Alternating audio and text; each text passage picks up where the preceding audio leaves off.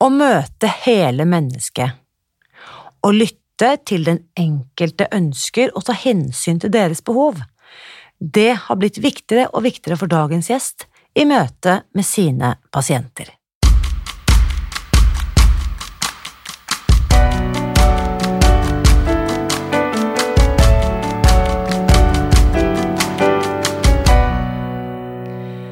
Ragnhild Lekven Fimreite er lektor og jobber som klinisk ernæringsfysiolog ved Poliklinikk for overvekt ved Haukeland universitetssykehus i Bergen.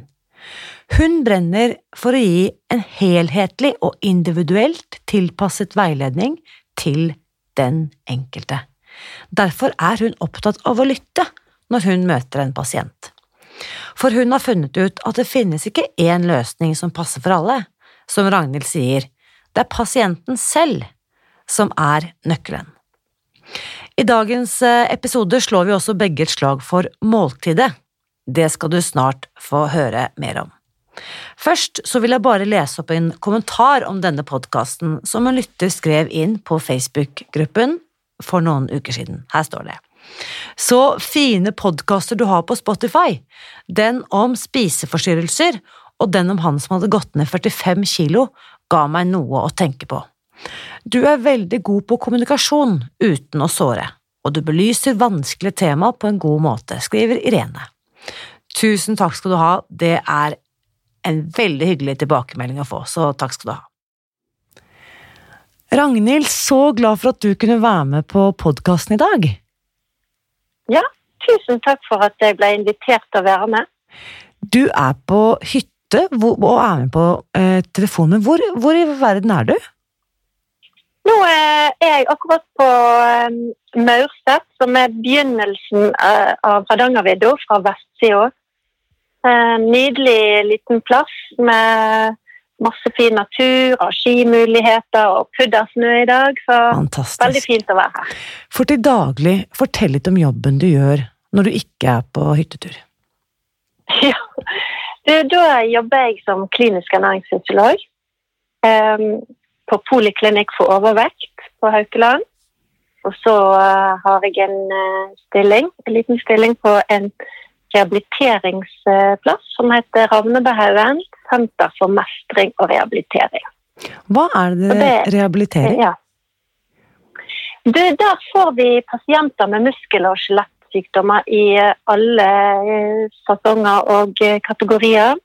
Alt fra myalgier, altså fibromyalgier, men òg smerte i hofte, i vektbærende ledd.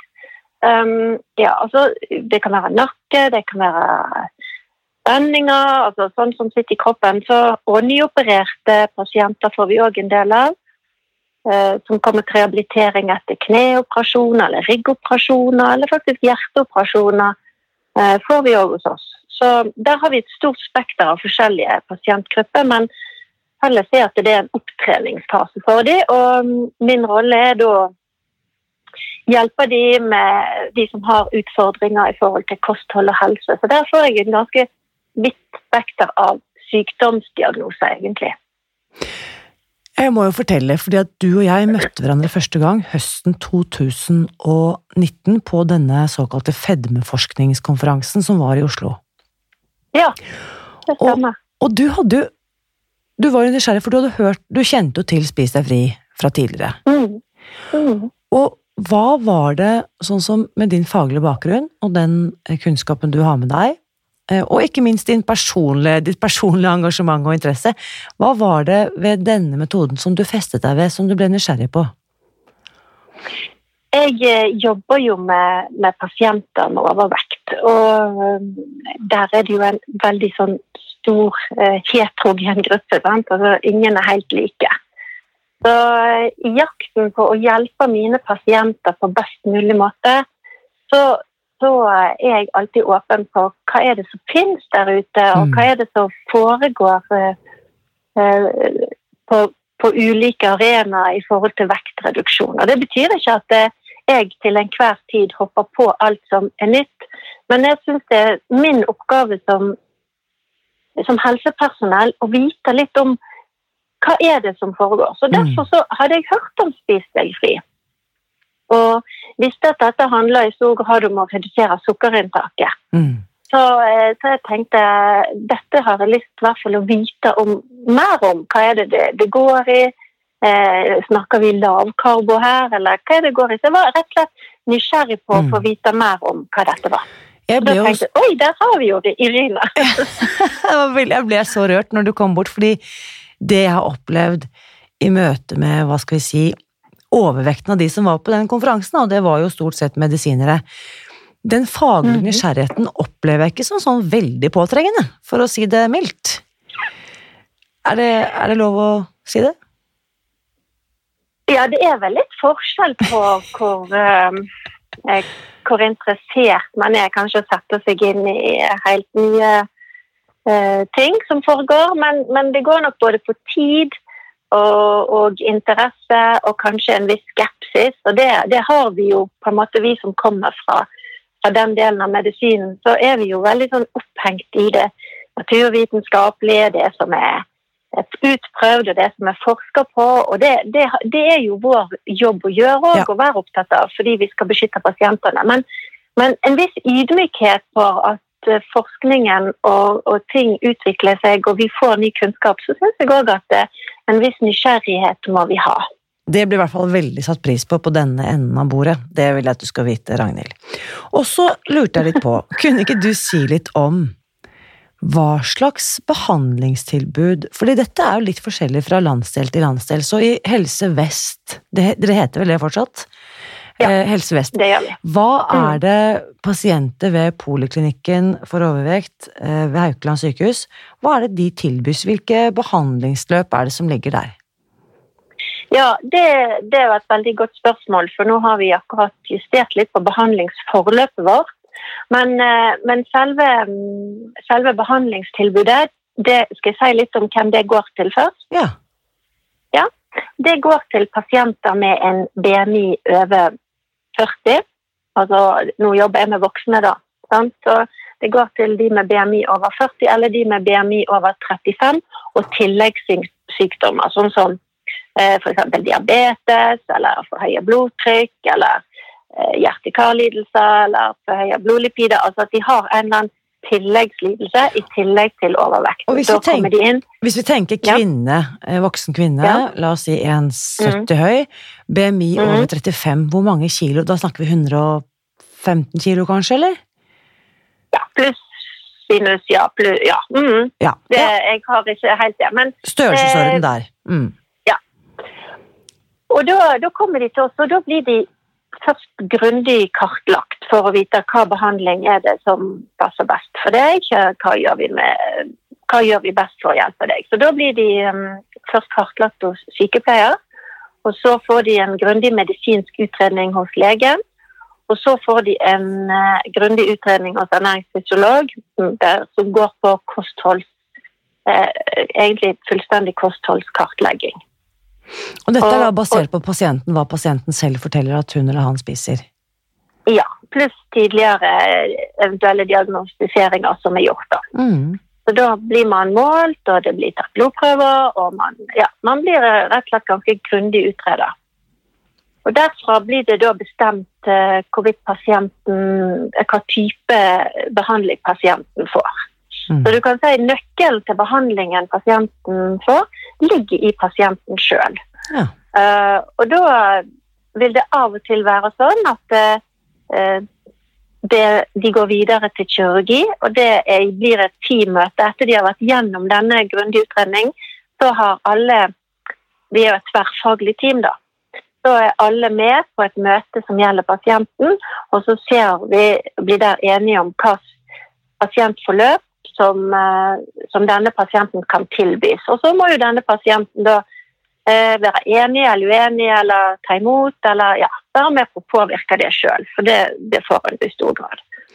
Så kan den Da- ja, kan, for det som du sier, pasienten kan være med å påvirke det selv. Så la oss si at jeg kommer inn, er alvorlig syk da, og har BMI over 35 eller 40, og sier Mhm. jeg er veldig motivert for å sette i gang med trening.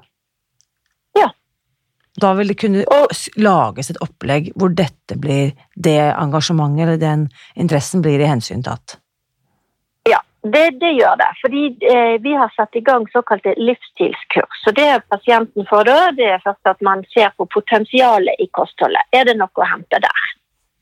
Um, så, så, vil vi kanskje se hva behandlinga får da. Det er utgangspunktet i pasientens kosthold. Så hvis den har et, et eh, kosthold med, med, veldig mye uregelmessigheter, med veldig mye forskjellige typer mat, så, så fyller han på et opplegg som er tilpassa. Da gir da gir jeg sammen med pasienten eh, kommer vi fram til et opplegg eller en kostplan eh, som, som, den føler seg komfortabel med, og som er innenfor de mm, justeringene som vi ser må til for å kunne oppleve en vektreduksjon. For vi vet jo at kostholdet har mest å si når man skal ned i vekt. Mm. Samtidig eh, så blir de henvist videre til et livsstilskurs ja. som går over 13 ganger. Og der er det hvert oppmøte er det trening. Eh, en time eller tre kvarter trening, og så er det to timer eh, med undervisning. Og der er det ulike temaer som blir holdt av lege. Det blir eh, psykolog og sykepleier og ernæringsfysiologer. Så de som da, ja. ja, unnskyld. Mm. Da, da, får de ulike input gjennom disse 13 kursgangene. Og dette er jo det vi kan kalle den. Over et halvt år. Og da, dette er jo det vi mm. kan kalle en konservativ behandling, ikke sant? Ja, det er den konservative behandlingen. Hva, hva slags resultater ser dere der, Ragnhild? Det er, jeg må være særlig og si at det er veldig variabelt. Vi, vi, ser det at de som kommer og går all in, det vil si at de som er motivert for å sette i gang med de intervensjonene eller de endringene som vi iverksetter, de opplever eh, vektnedgang. Hva slags eh, type Også, vektnedgang kan vi snakke da, i, i, prosent eller kilo eller BMI-punkter, eller blir disse normalvektige? Et fåtall blir normalvektige, men, men, det er faktisk ikke det som er den overordna målet, at de skal komme ned i en BMI på 20, nei, 25, mellom 20 og 25. Eh, vi ser at de som har eh, en ekstrem høy BMI, altså da snakker vi over 40, sant? Så, og oppimot 50 òg, så ser vi det at all helse, hva skal vi si, all forbedring i, i helse er av det gode. Mm. Vi, men, men, vi ser òg at um, man skal ikke veldig mye ned i vekt før man begynner å oppleve helsefordeler. Mm. Som at blodtrykket går ned, at det blir lettere å bevege seg, at man blir mer fornøyd i forhold til at eh, ikke det blir så tungt å puste. og Det ikke kommer fra det at veldig mange har så, såkalt søvnapné. Og det er jo noe av det vi ser òg kan komme seg veldig fort hvis man går ned i vekt. Så Det er litt, eh, litt ulikt hva mål man har, og det òg setter man med pasienten sjøl. Så setter man eh, prøver å sette et så realistisk vekstmål som mulig. Mm. Ja. For at de selvfølgelig skal oppleve mestring og fremgang og eh, sånne ting også, selvfølgelig. Så, ja. Og det andre løpet er jo da selvfølgelig at man tar kirurgi. Ja. Um, nå skal vi ikke gå inn på alle de ulike formene for slankekirurgi, men det er Nei. også da en, en, prosess som fører til Dette er ikke heller noe som innvilges neste dag, dette er også en prosess eh, et stykke frem i tid, hvor pasienten eventuelt da blir operert. Mm. Hvor mange er det ved Haukeland som opereres hvert år? Um, det har jeg ikke tallene på, for det varierer litt etter um, både pasientmassen vi får inn, altså hvor stor uh, BMI de har, og om det er det de ønsker, og kapasiteten selvfølgelig da, hos kirurgene. De blir operert på Voss. Mm. Um, men um, Så det har jeg faktisk ikke noe tall på, på, her og nå. Men det er ikke en stor andel, det er det ikke. Men, ja. Uh, men, ja. Jeg tror jeg fortalte deg om henne som uh, tok kontakt. Hun hadde lest boken høsten 2018. Mm -hmm. Begynte Hun hadde kjøpt den, hun, hun bor i Bergen. Lest, mm -hmm. og i desember så ringte hun til Haukeland og av avlyste sin planlagte slankeoperasjon på Voss sykehus, som skulle foregå i februar 2019. Wow! Ja, det er en av veldig, veldig mange fantastiske historier. Eh, ja. Og jeg tror hun, hun, lo litt, da, for hun sa jeg tror ikke de hadde mange pasienter som, hadde fått innvilget uh, slankeoperasjon på det offentlige, som ringte et par måneder før operasjonen og sa sånn 'Jeg trenger ikke likevel, jeg har, jeg har lest en bok'. mm. Nei, og det, har, det, forekommer etter de som har gått på kurset, da, for vi, de går jo ofte inn i normalt forløp, disse som er usikre på om de skal til operasjon eller ikke. og da har vi hatt et par som har eh, Eller et par. Vi har hatt noen som trekker seg fordi de har kommet inn i gode vaner og greid å, å, å legge om. Men det er som du sier, det er ikke mange som gjør det. Mm. Så um, Og på slankeoperasjoner, der har vi også for så vidt hørt en del om resultater, både på godt og vondt. Og mm. sånn som vi to har snakket om tidligere, Ragnhild, dette er mm. viktig Det er viktig at det behandlingstilbudet også finnes for de som, mm. tenker jeg, da virkelig trenger det, hvor det kanskje er eneste løsning for å sikre at de overlever, rett og slett? Mm, ja, det er jo det. Altså, da er det kanskje snakk om liv og død. Mm. Det er det faktisk for noen. Mm. Og så er det det som jeg ofte stusser litt på, som jeg tenker mangler i det offentlige av og til, er denne helhetlige tilnærmingen til pasienten. Nemlig hvordan er det pasienten har det i, resten av livet, alt det som ikke handler om mat og kropp og kalorier og trening og Ikke sant? Mm. I hvor stor grad har for eksempel da poliklinikken eh, kapasitet til å ta imot hele mennesket? Heldigvis så blir det mer og mer fokus på hele mennesket. Så vi har fått uh, psykolog vi har periodevis hatt psykolog tidligere òg, men periodevis har vi ikke hatt psykolog. Så, mm. Men nå har vi fått psykolog eh, tilbake igjen.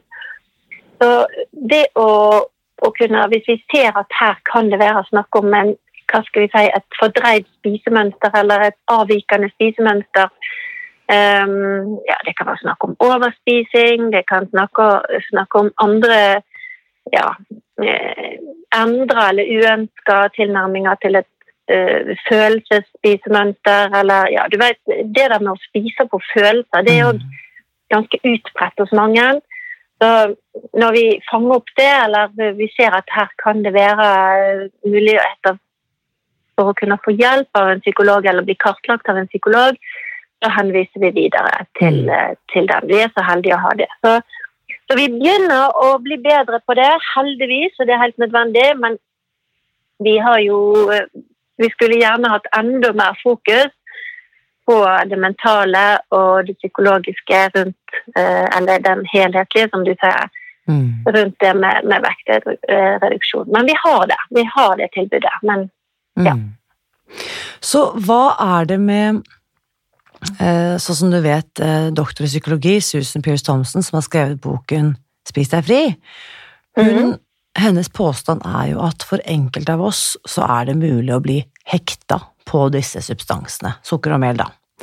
Så som mm. du ser pasientgruppen din, tenker du at det er det noe som virker sannsynlig, eller er det noe du tenker er ja, det høres ut som en forklaring som høres ganske logisk ut? Det er både noe jeg ser hos enkelte pasienter ja. uh, hos meg, og det er òg noe jeg syns høres logisk ut. Og da jeg kan jo fortelle en liten historie. Jeg har en liten praksis sjøl der jeg tar ytterst få pasienter. Og der eh, kom det ei dame til meg. Hun hadde overvekt, og hun um, var veldig fortvila i en fortvila situasjon. For hun eh, drev også bytta ut frokosten sin med kanskje bare vann eller kanskje bare en kaffe. Hun, hun, dropper frokosten, og så kommer hun på jobb, og så hadde hun ikke lyst på mat, men hun hadde lyst på sjokolade, så hun spiste kanskje en halv sjokolade i lunsjen mens hun satt på kontoret. Hun hadde en ledende stilling. Og da uh, så hadde hun mye å gjøre, så hun bare fortsatte litt med, med mer sjokolade eller smågodt, alt etter hva hun hadde tilgjengelig. Og så kom jeg hjem, og da var hun veldig sulten på, på mat, så da gikk det ofte veldig sånn raskt. Måtte gå kjapt. Så når hun kom til meg og vi kartla dette her, så, så, så vi jo det at um, det var, det var, ikke bare et dårlig kosthold, det var jo veldig, veldig ubalansert. Og det kom fram at eh, vi snakket litt om hvorfor hun valgte dette her, og hva dette, denne søte maten eh, gjorde med henne. Jo, det ga henne en viss ro, og det hadde det gjort helt fra hun var liten, for hun var mm. vokst opp i en familie med, en alkoholisert far. og på en måte det, var, det, var, det hun hadde gjort da når hun ble utrygg, det var å gå på rommet sitt og spise godteri. Så hun, hun, følte en ro, hun følte det var det hun måtte ha for å eh, ja, finne ut av eh, følelsene sine, eller bare legge lokk på dem, eller på en eller annen måte roe seg ned. Så jeg spurte henne kan du bare spise litt godteri. Mm. Nei, hvis hun først begynte, så måtte hun bare fortsette. Ja. Så når jeg sa til henne kanskje du bare rett og slett i en periode må forsøke å kutte alt det ut, for å slippe å trigge det. Og da, da ble det så emosjonelt for henne at hun, hun, begynte å grine. Altså, Du bare så tårene trilte. Men det var ikke fordi hun var lei seg, det var fordi hun var glad for at noen hadde sagt det til henne. Um, at hun skulle slippe å måtte forholde seg til dette her. Mm. Og Så jobbet vi med kostholdet hennes, og vi satte opp en, en plan som, som hun syntes virka veldig ok, og som jeg sikra at hun fikk i seg de næringsstoffene som hun trengte. Så kom hun tilbake igjen til meg etter en måned, fordi da må vi se at dette her går fint. Og så kom hun på nytt inn på kontoret mitt med tårer i øynene og så sa hun jeg har aldri hatt det så bra. Mm. Og da var hun på en måte blitt fri, for hun, hun, hadde ikke dette her med snopet eller eh, godteriet eller sjokoladen som en option. Det hadde hun på en måte måttet sagt vekk. Fordi vekk, ja. mm. hun kunne ikke ja, Hun måtte bare rett og slett kutte det ut. Og det var faktisk en veldig befrielse for henne. Eh, problemet var ikke der. Problemet var omgivelsene hennes. Som sa mm. 'skal ikke du, vil ikke du ha', 'skal ikke du ha'? Og det syns jeg vi må kanskje komme lenger i at de som tar sine bestemmelser på å gjøre kostendringer, de må få lov til å gjøre det uten at omgivelsene da skal begynne å gjøre det verre for dem når de faktisk har eh, kommet så langt. Det, er så det er så sant. Altså, vi, vi, liker å tenke på oss som på en måte et åpent og tolerant folkeslag, men vi er jo ikke det. Med en gang noen i bekjentskapskretsen eller familien eller kollegene våre gjør en liten endring, så skal vi bort og mene og pirke og synse og kommentere, istedenfor å bare si så fint at du har funnet noe som funker for deg. Stå på! Heia deg! Ja. Det er veldig mye. Jeg skulle ønske at alle de som hører på dette, vi må bare slutte å kommentere hverandre. Vi må bare si at ja, men kanskje jeg kan la meg inspirere hvis kollegaen min kommer på jobb en dag og forteller at hun har sluttet å spise sjokolade. tenker jeg, hm, Kanskje mm. det er noe jeg også skal teste ut? Ja. Mm. Det, det, det, er så bra du sier det, Irina, fordi at eh, det, det er min opplevelse òg. Altså at det, at vi, vi, er, vi, er, faktisk altså Folk er fordomsfulle med en gang eh, noen begynner å gjøre noe annet enn det de har gjort før. Mm.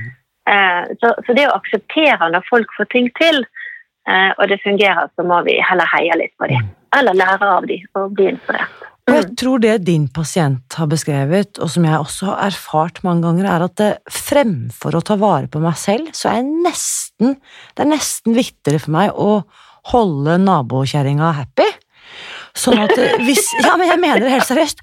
Så hvis hun begynner å sende skrå blikk mot meg, så vil jeg heller begynne å spise sjokolade igjen, så jeg kan holde henne happy. Altså, skjønner jeg mener? Så mm. den derre frykten vår for å ikke bli likt, eller ikke få høre til lenger, eller bli utstøtt av det gode kakefatet på lunsj på fredagslunsjen, liksom. Mm. Da er det så mange, du, flere enn man skulle tro, som da sier nei, men da, da tar jeg heller og bare forsyner meg med et kakestykke. Mm. Eh, ja. Og så tenker jeg og jeg skulle ønske jeg bare kunne oppjustere egenverdien og egenomsorgen hos alle de som hører på, og tenke at det å takke nei til kake er en menneskerett, og det å ta vare på egen helse fremfor å holde alle andre fornøyd, det burde også være liksom noe vi må øve oss litt på, og heie hverandre frem på. Ja, og da, og da kan jeg jo si det at for noen så fungerer det å, å ha lørdagsgodt og, og, og fikse det, og, og, ellers ha et ganske sånn streit og ordentlig kosthold, men velge å ta den en dag i uka, enten det er lørdag eller søndag eller en annen dag i uka der de på en måte tillater seg selv å skeie ut. Men det er ikke alle som greier det. Mm. Og det, det, det, er denne forskjellen vi må akseptere, at eh, det er både ulikt hva man ønsker, og ulikt hva man greier. Mm. Og hvis vi da tar da, hvis vi tar utgangspunkt i at Susan faktisk har et poeng, at hjernene våre faktisk er forskjellige mm. La oss si at noen av oss har, kall det allergier, mot enkelte matsubstanser. Så Mm. man ville jo aldri ha pushet en, en som har cøliaki til å bare komme igjen, da. Ta litt grann gluten, ikke vær så sær. Eh, eller en som på en måte har nøtteallergi. Man ville jo ikke pushet liksom peanøtter opp i ansiktet på vedkommende og bare Ikke vær så Nei. ekstrem. Kos deg litt. Ta en liten neve. Så jeg tenker at eh, ja, vi kan øve oss alle sammen på å bli litt tolerante for folk som endrer, velger å endre seg. Mm, ja, og det er jo litt morsomt, for jeg hadde akkurat ei dame nå på kurset på disse livsstilskursene som sa til meg at eh, hun syntes det var så slitsomt når hun var i besøk, at hun hadde faktisk, og det er jo ille, det er jo helt uetisk, eh, sagt at hun, hun var allergisk. Hun Ja. var allergisk, så hun kunne ikke spise eh, det eller det, eh, sånn at hun slapp å måtte forsvare seg. Jeg syns det er kjempeetisk, jeg. Jeg syns det er helt ok å, å ta rett og slett og sette opp en sånn eh, Kall det hvitløgn, eller det, Allergi er jo bare et ord da man velger å bruke på det. Mm. Ja, men det skulle vært unødvendig, det er det jeg mener. Det er enig. Det er enig Ja?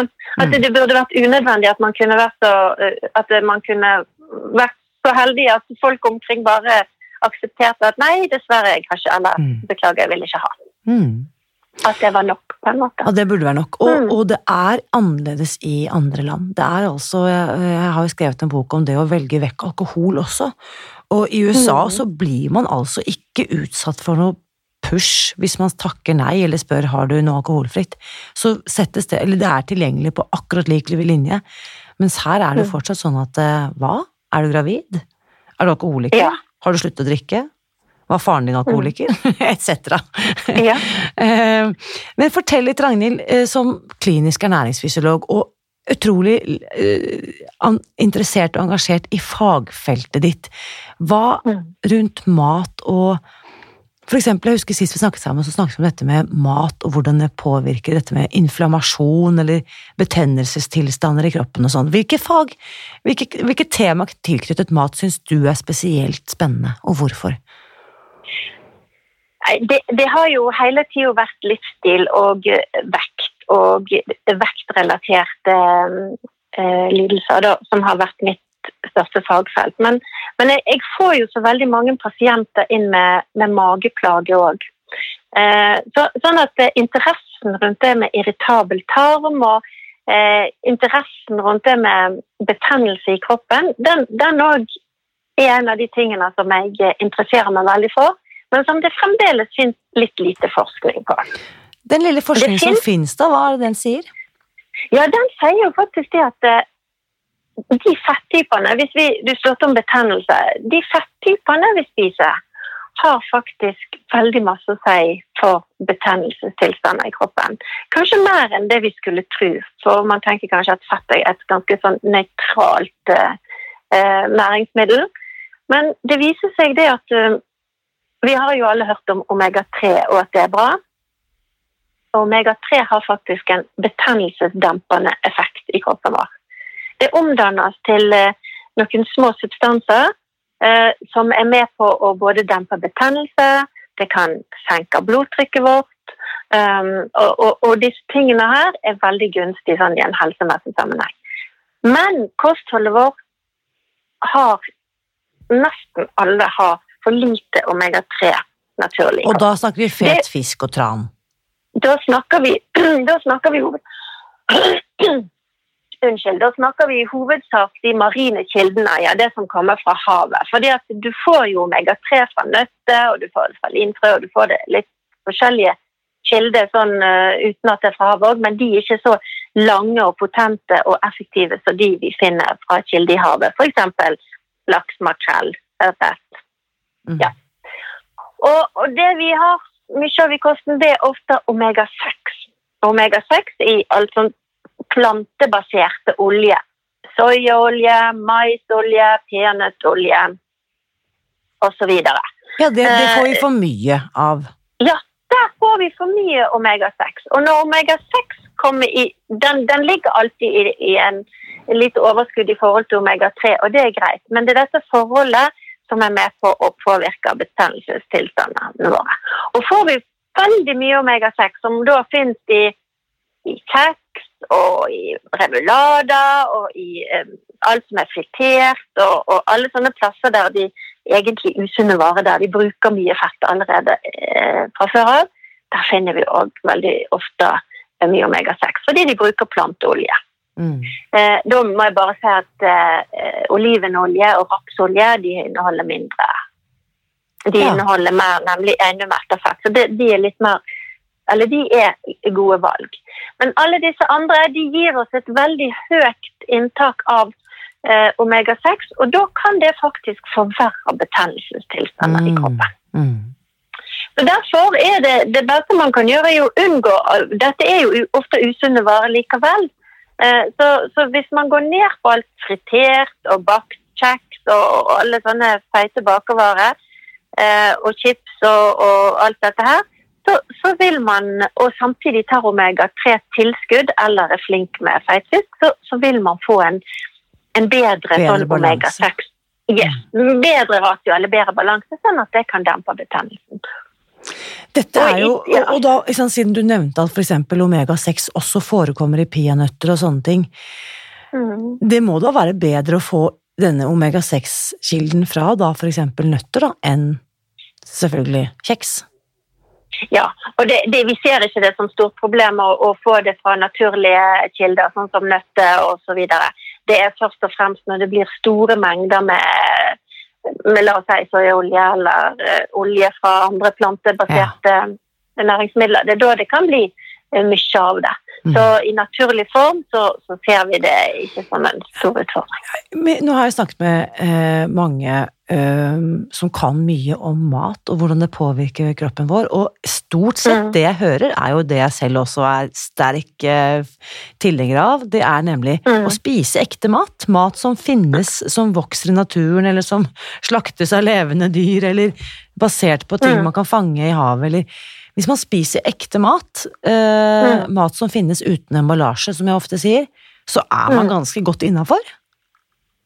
Ja, egentlig. Og da, da er, snakker vi jo egentlig Det er veldig mye snakk om denne prosesserte maten. Sant?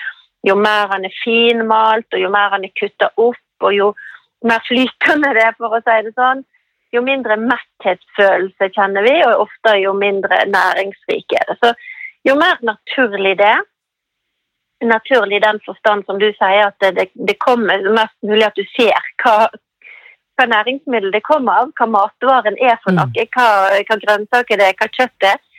Jo bedre er det, jo mer næringsrikt er det. Mm.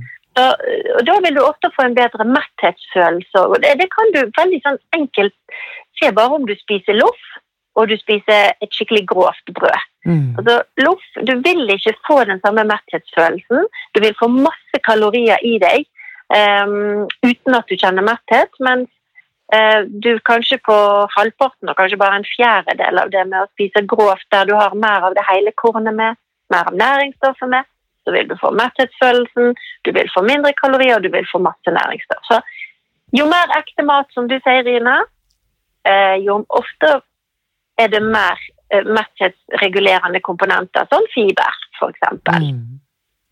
I det, i den matvaren. Eller proteiner. Sant? Det er også metthetsregulerende. Mm. Det jeg er glad for at du også uh, ikke sier, Ragnhild, er dette med kalorier. Er det slik å forstå at kalorier er litt ut, eller er det litt sånn åttitalls å telle kalorier for å tenke sunt?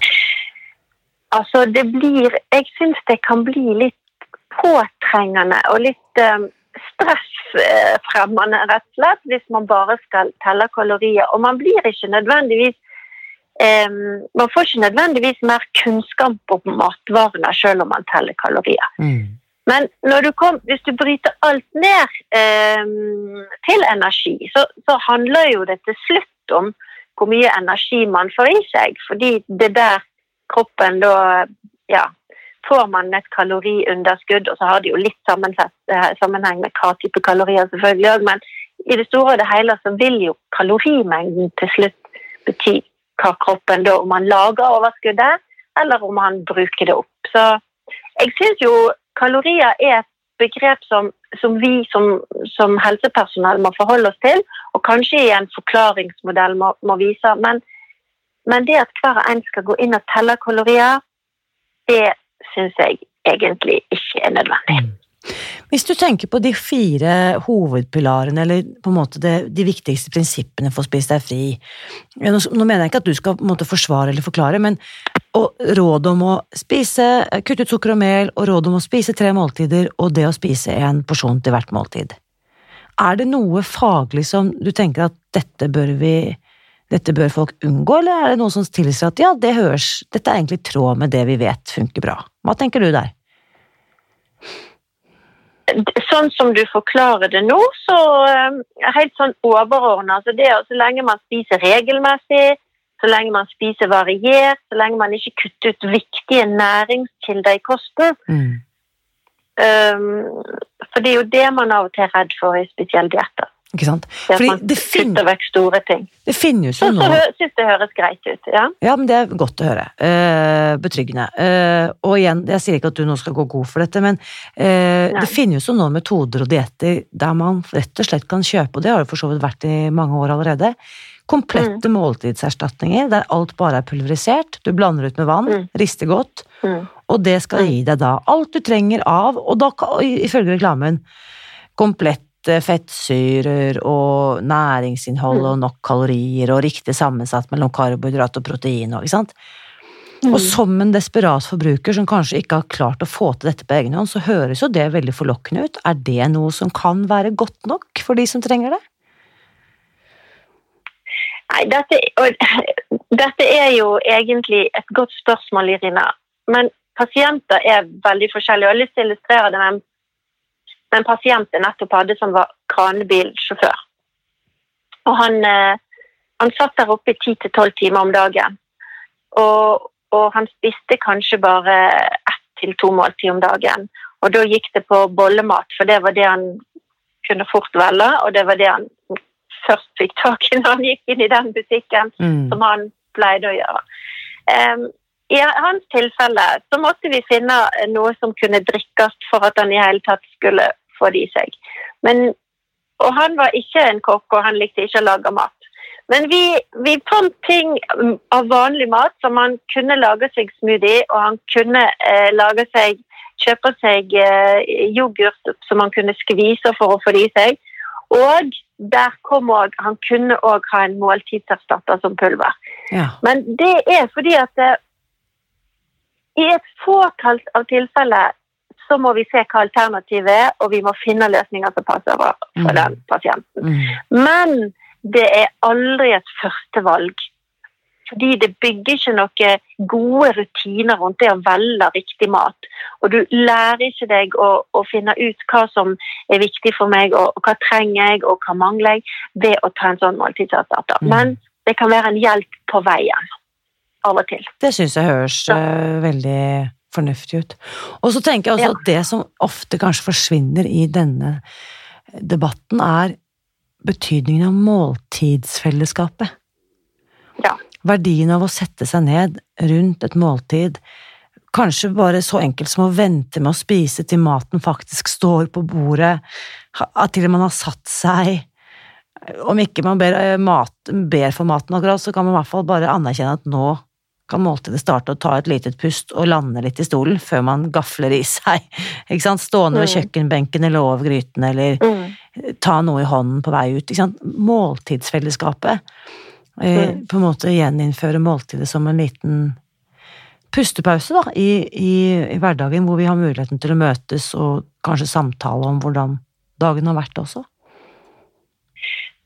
Ja, jeg, jeg syns jo du sier noe der som er veldig viktig. Enten man, man bor alene, for det er mange som gjør òg. Enten man bor alene eller man er i et fellesskap, så, så er det å, å, ha et måltid, eller ha måltidene som en del av hverdagen, ha måltidene på agendaen sin i likhet med arbeid eller trening, det, det er kjempeviktig. Men jeg, men jeg syns at i vårt samfunn der effektivitet, produktivitet, tid, jag, press, stress tar så stor plass, så er det faktisk det som skal holde oss i live, det som skal holde oss friske, det blir en salderingspost mm. veldig ofte. Og det, det, ser du jo i media, og det ser du på reklamen for de som ikke har tid eller vil bruke tid på å lage mat. Så, så det blir på en måte underbygd det at maten er noe som skjer mens du går fra en aktivitet til en annen. Um, men, men, vi skal jo bare vite det at fordøyelsen vår blir veldig svekka. Metthetsfølelsen vår blir veldig svekka hvis ikke vi tar oss tid til akkurat det du sier, uh, mm. og trekker pusten. Uh, så, så, jeg sier jo av og til til pasientene mine at egentlig så, så skal du så, så burde vi ha gjeninnført bordbønner bare fordi at vi skal sette oss ned, eh, slippe ut magen. Og bare jeg sier det, så blir vi alle kanskje litt bevisst på, på mellomgulvet, eller diafragmaen vår. Som, mm. At den alltid går litt anspent. Og, og, med å gå veldig anspent i kroppen, så har vi mindre sjanse for å oppleve den naturlige metthetsfølelsen. Så, så, når du snakker om helhet, når du snakker om måltid, så, så støtter deg 100 Sette seg ned, mm. trekke et pust, kanskje ta et, et glass eh, Ta en slurk med vann. Og så puste ut. Og så er man klar for å begynne å forsyne seg. Eh, mm. at man ikke bare og, da har man litt mer rom og ro for å vite hva er det jeg forsyner meg med. Mm. Og spør seg sjøl eh, gjør dette godt for meg, eller er dette bra for meg? Eh, Istedenfor å ukritisk bare putte noe i seg for å bli mett fort og gale. Mm. Jeg tror også det, altså dette bare å være til stede også eh, i de øyeblikkene måltidet varer, gjør også at jeg For det første så smaker jeg jo faktisk hva maten smaker. Mm. Og jeg får Ved å sette ned tempoet sånn, så gir jeg også muligheten eh, for hode og kropp å skjønne at nå registrerer metthet på en annen måte enn det jeg hadde sjanse til når jeg bare slukte maten, gjerne stående eller løpende eller gående. Mm. Uh, og så for meg er dette høres jo litt, nesten litt sånn åndelig ut, men uh, måltidet blir nesten en liten sånn takknemlighetspraksis i seg selv. Ja, og jeg, eh, jeg syns ikke det høres åndelig ut. Jeg syns det høres ut sånn som det burde vært. Det er bare at vi har fjerna så veldig mye mm. fra um, det å ha et rolig måltid. For som jeg sier, det er bare noe man gjør mellom to aktiviteter. Mm. Eller bare skal gjøre for, bare for å ha gjort det, bare fordi man bare må få i seg noe. Men, men, det, men, det, å finne roen og det å puste og Jeg har jo til og med sagt til mine pasienter la all maten stå ute på kjøkkenet, altså panne og sånn. Sånn at hvis du skal uh, fylle på med noe, så må du faktisk reise deg. For, for det er ikke til å komme fra det at metthetsfølelsen kommer sigende. Og um, de som spiser veldig fort, de som spiser bare sluk i seg maten, de får en tendens til å få i seg veldig mye energi eller mat på kort tid. Så, um, når de da først metthetsfølelsen får sigd på, så er man stappmett. Det er liksom mm. ingenting mellom det å være sulten og stappmett. Så, så, med å reise seg og gå ut på kjøkkenet og eventuelt fylle på, så vil man faktisk kunne kjenne at oi, det begynner jo egentlig å, å bli mett. Ja, ikke sant? Um, og Den sjansen må man gi seg sjøl, enten ved å legge ned kniv og gaffel i løpet av måltidet og ta et pust og kjenne etter, eller på annen måte lage seg en rutine så man får et lite mm. avbrekk midt inn i måltidet. Eller sånn som jeg gjør, da. Og bare forsyne meg én gang, og så vet jeg ja. at dette er maten jeg skal ha til dette måltidet. ja. ja. Mange veier til, til rom. Um, ja, det er det. Ragnhild, da, du, uh, da vi avtalte at uh, vi skulle møtes her i dag, hva er det du tenkte at Og det må jeg huske å si. Eh, eller et tema som du på en måte brenner spesielt for, som vi eventuelt ikke har vært inne på allerede. Egentlig så har vi vel egentlig vært innom det meste. Det er det at det, det fins ingen hva skal vi si, kostplaner eller dietter som passer for absolutt alle. Fantastisk. Eh, det er nemlig Vi er så forskjellige. Vi er så um, forskjellig skrudd sammen. Vi har så forskjellige smakspreferanser. Vi har så forskjellige bakgrunner. Eh, at når vi skal jobbe med en pasient, så må man på en måte se at pasienten sjøl er nøkkelen. Og ut ifra bakgrunnen til pasienten og hvor ståstedet, at man derifra tar utgangspunkt når man finner ut altså Vi er næringsfysiologer og jobber sånn eh, for å finne ut hva som er det beste kosttilpasningen, livsstilsendringen, om det er hovedvekt på trening eller det er hovedvekt på kosthold. Ofte er det jo hovedvekt på kosthold, og ikke minst hva type kosttilpasninger som må til. Og Da tenker jeg at um, pasienten sjøl sine ønsker, men òg erfaringer de har hatt før, basert på at de har spist altfor mye av f.eks. sukker eller karbohydrater eller altfor mye fett, eller at ikke det funker med lavkarbo. Alle disse erfaringene er viktige når vi faller ned på eh, den kostplanen eller de kosttiltakene som vi jobber videre med. Mm. Så individualisering til hver enkelt det, det, har jeg lyst til å slå et slag på, for det er veldig viktig for å nå fram til målet. Viktig, viktig påminnelse. Mm. Ja, det har jeg lyst til å si. Vi driver ikke og bytter nyremedisiner eller andre medisiner med naboen. Det skal man heller egentlig ikke gjøre med kosthold. Og så er det noen generelle ting som passer for flere, det vil det være. Eh, men ellers så det å gjøre individuelle tilpasninger, som vi sier, det er viktig. Tusen takk for viktig påminnelse, og takk for praten. Tusen takk, Irina, for at jeg fikk være med. Samtalen etter dagens episode fortsetter som vanlig inne i den åpne Facebook-gruppen vår Spis deg fri. Og hvis du er nysgjerrig på å vite mer hva jeg spiser når jeg følger Spis deg fri, kan du laste ned et gratis utdrag fra vår fantastiske kokebok. Det finner du på våre nettsider, gå da til spisdegfri.no skråstrek sniktitt. Da får du massevis av gode og fargerike oppskrifter til frokost, lunsj og middag, tilpasset nybegynnere som ønsker å gå ned i vekt. Disse finner du også på nettsiden spisdegfri.no skråstrek sniktitt. I neste uke skal vi dykke enda lenger inn i menneskekroppen og se på hvordan det ser ut langt der inne på innsiden, langt inne i tarmene og inni cellene, og til og med helt ned på molekylært nivå. Da får jeg nemlig besøk av høyskolelektor Marit Kolby Zinøkker, og vi skal snakke om alt fra periodisk faste til tarmbakterier, og hva som skjer i kroppen når du sover. Så følg med da. Og mitt motto er også at gode nyheter er skapt for å deles. Så hvis du kjenner noen som kunne hatt eh, glede av denne podkasten, så del gjerne med dem. Og vit at jeg heier på deg. Alltid.